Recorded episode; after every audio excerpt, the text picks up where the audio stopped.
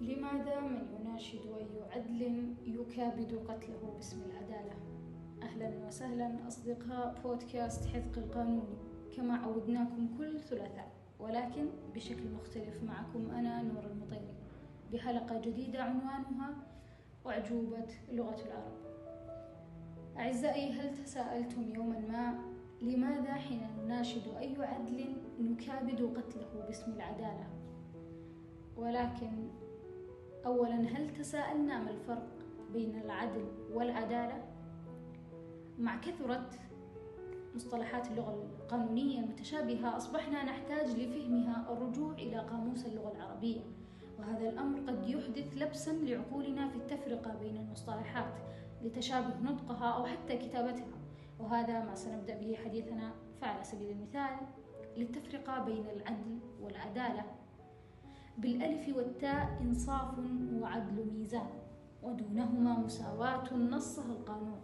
وأما من القواعد الفقهية الغنم بالغرم بالنون فوز من غير تعب والراء مال نائب.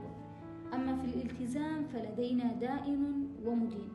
بالألف شخص معطى والياء كالكسر مجبور وملتزم.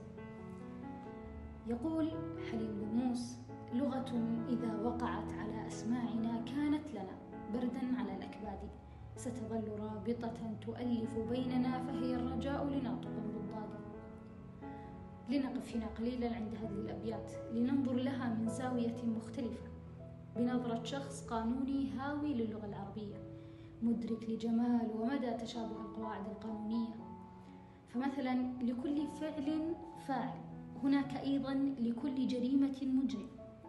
والخبر إما أن يكون جملة أو شبه جملة كالقتل قد يكون عمد أو شبه عمد. وأسمى الحديث في العربية فن الخطابة كفن الترافع في المحاكم عند الدفاع. قد كان لدي تساؤل يدور في آفاق ذهني. لماذا في المحاكم لا يقبل الترافع إلا باللغة العربية؟ فوجدت الإجابة في البحث بأنها لغة القضاء والمحاكم. ولغة القانون بوجه العموم فهي تعبر عن القصد القانوني الذي يود المشرع إيصاله للجمهور فالصياغة القانونية فن يتجلى من خلاله كيفية ضبط القواعد القانونية ووضعها في قالب لغوي دقيق وأن لغة القانون لغة شديدة الإتقان قوية التعبير دقيقة الوصف وذلك على أساس أنها إذا ترتب عليها أي خطأ لغوي أو تركيب نحوي فقد تسبب أضرارا تلحق بالفرد أو حتى المجتمع. لنجرب مرة أن نسأل شخص قانوني أو حتى غير قانوني ما هو دستور المملكة العربية السعودية؟ بالتأكيد سيجيب القرآن والسنة. ولكن لنجرب أن نسأل ما الفائدة أو ما فائدة القرآن الكريم للشخص القانوني بعيدا عن موضوع الأحكام الشرعية والأنظمة؟ ربما سيصمت للحظات. أو حتى لساعات لأنه غير مدرك للعلاقة الوطيدة بين القرآن الكريم والقانون التي تتوسطها اللغة العربية. إنهم أشبه كحلقة وصل متتابعة.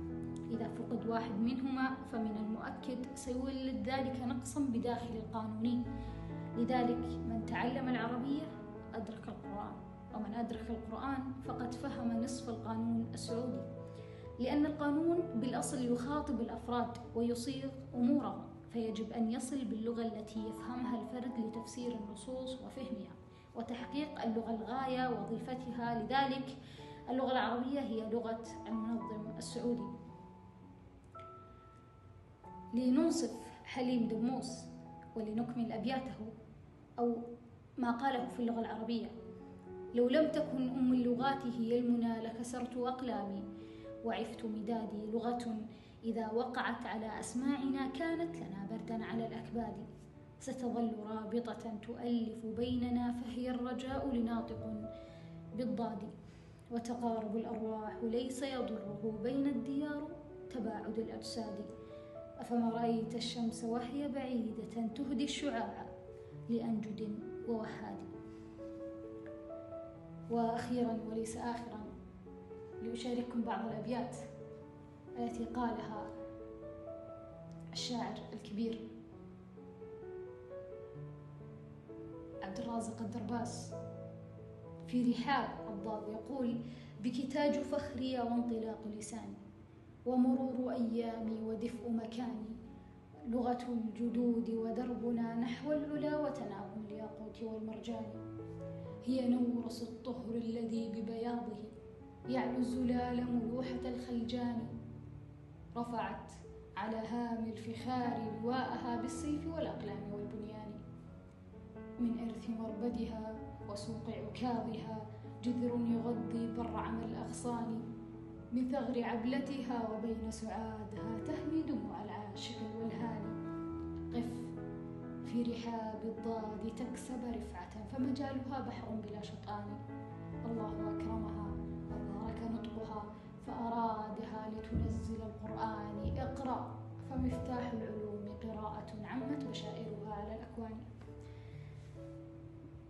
ومن المعروف أن لكل بداية نهاية وأن خير الكلام ما قل ودل. أرجو من الله أن نكون قدمنا ما يفيد والشكر الجزيل لكتابنا الرائعين الهنوف الجهني وغيداء المالكي وأعضاء البودكاست جميعا. وأيضا الشكر الجزيل لمستمعينا الرائعين. أسأل الله لي ولكم. التوفيق.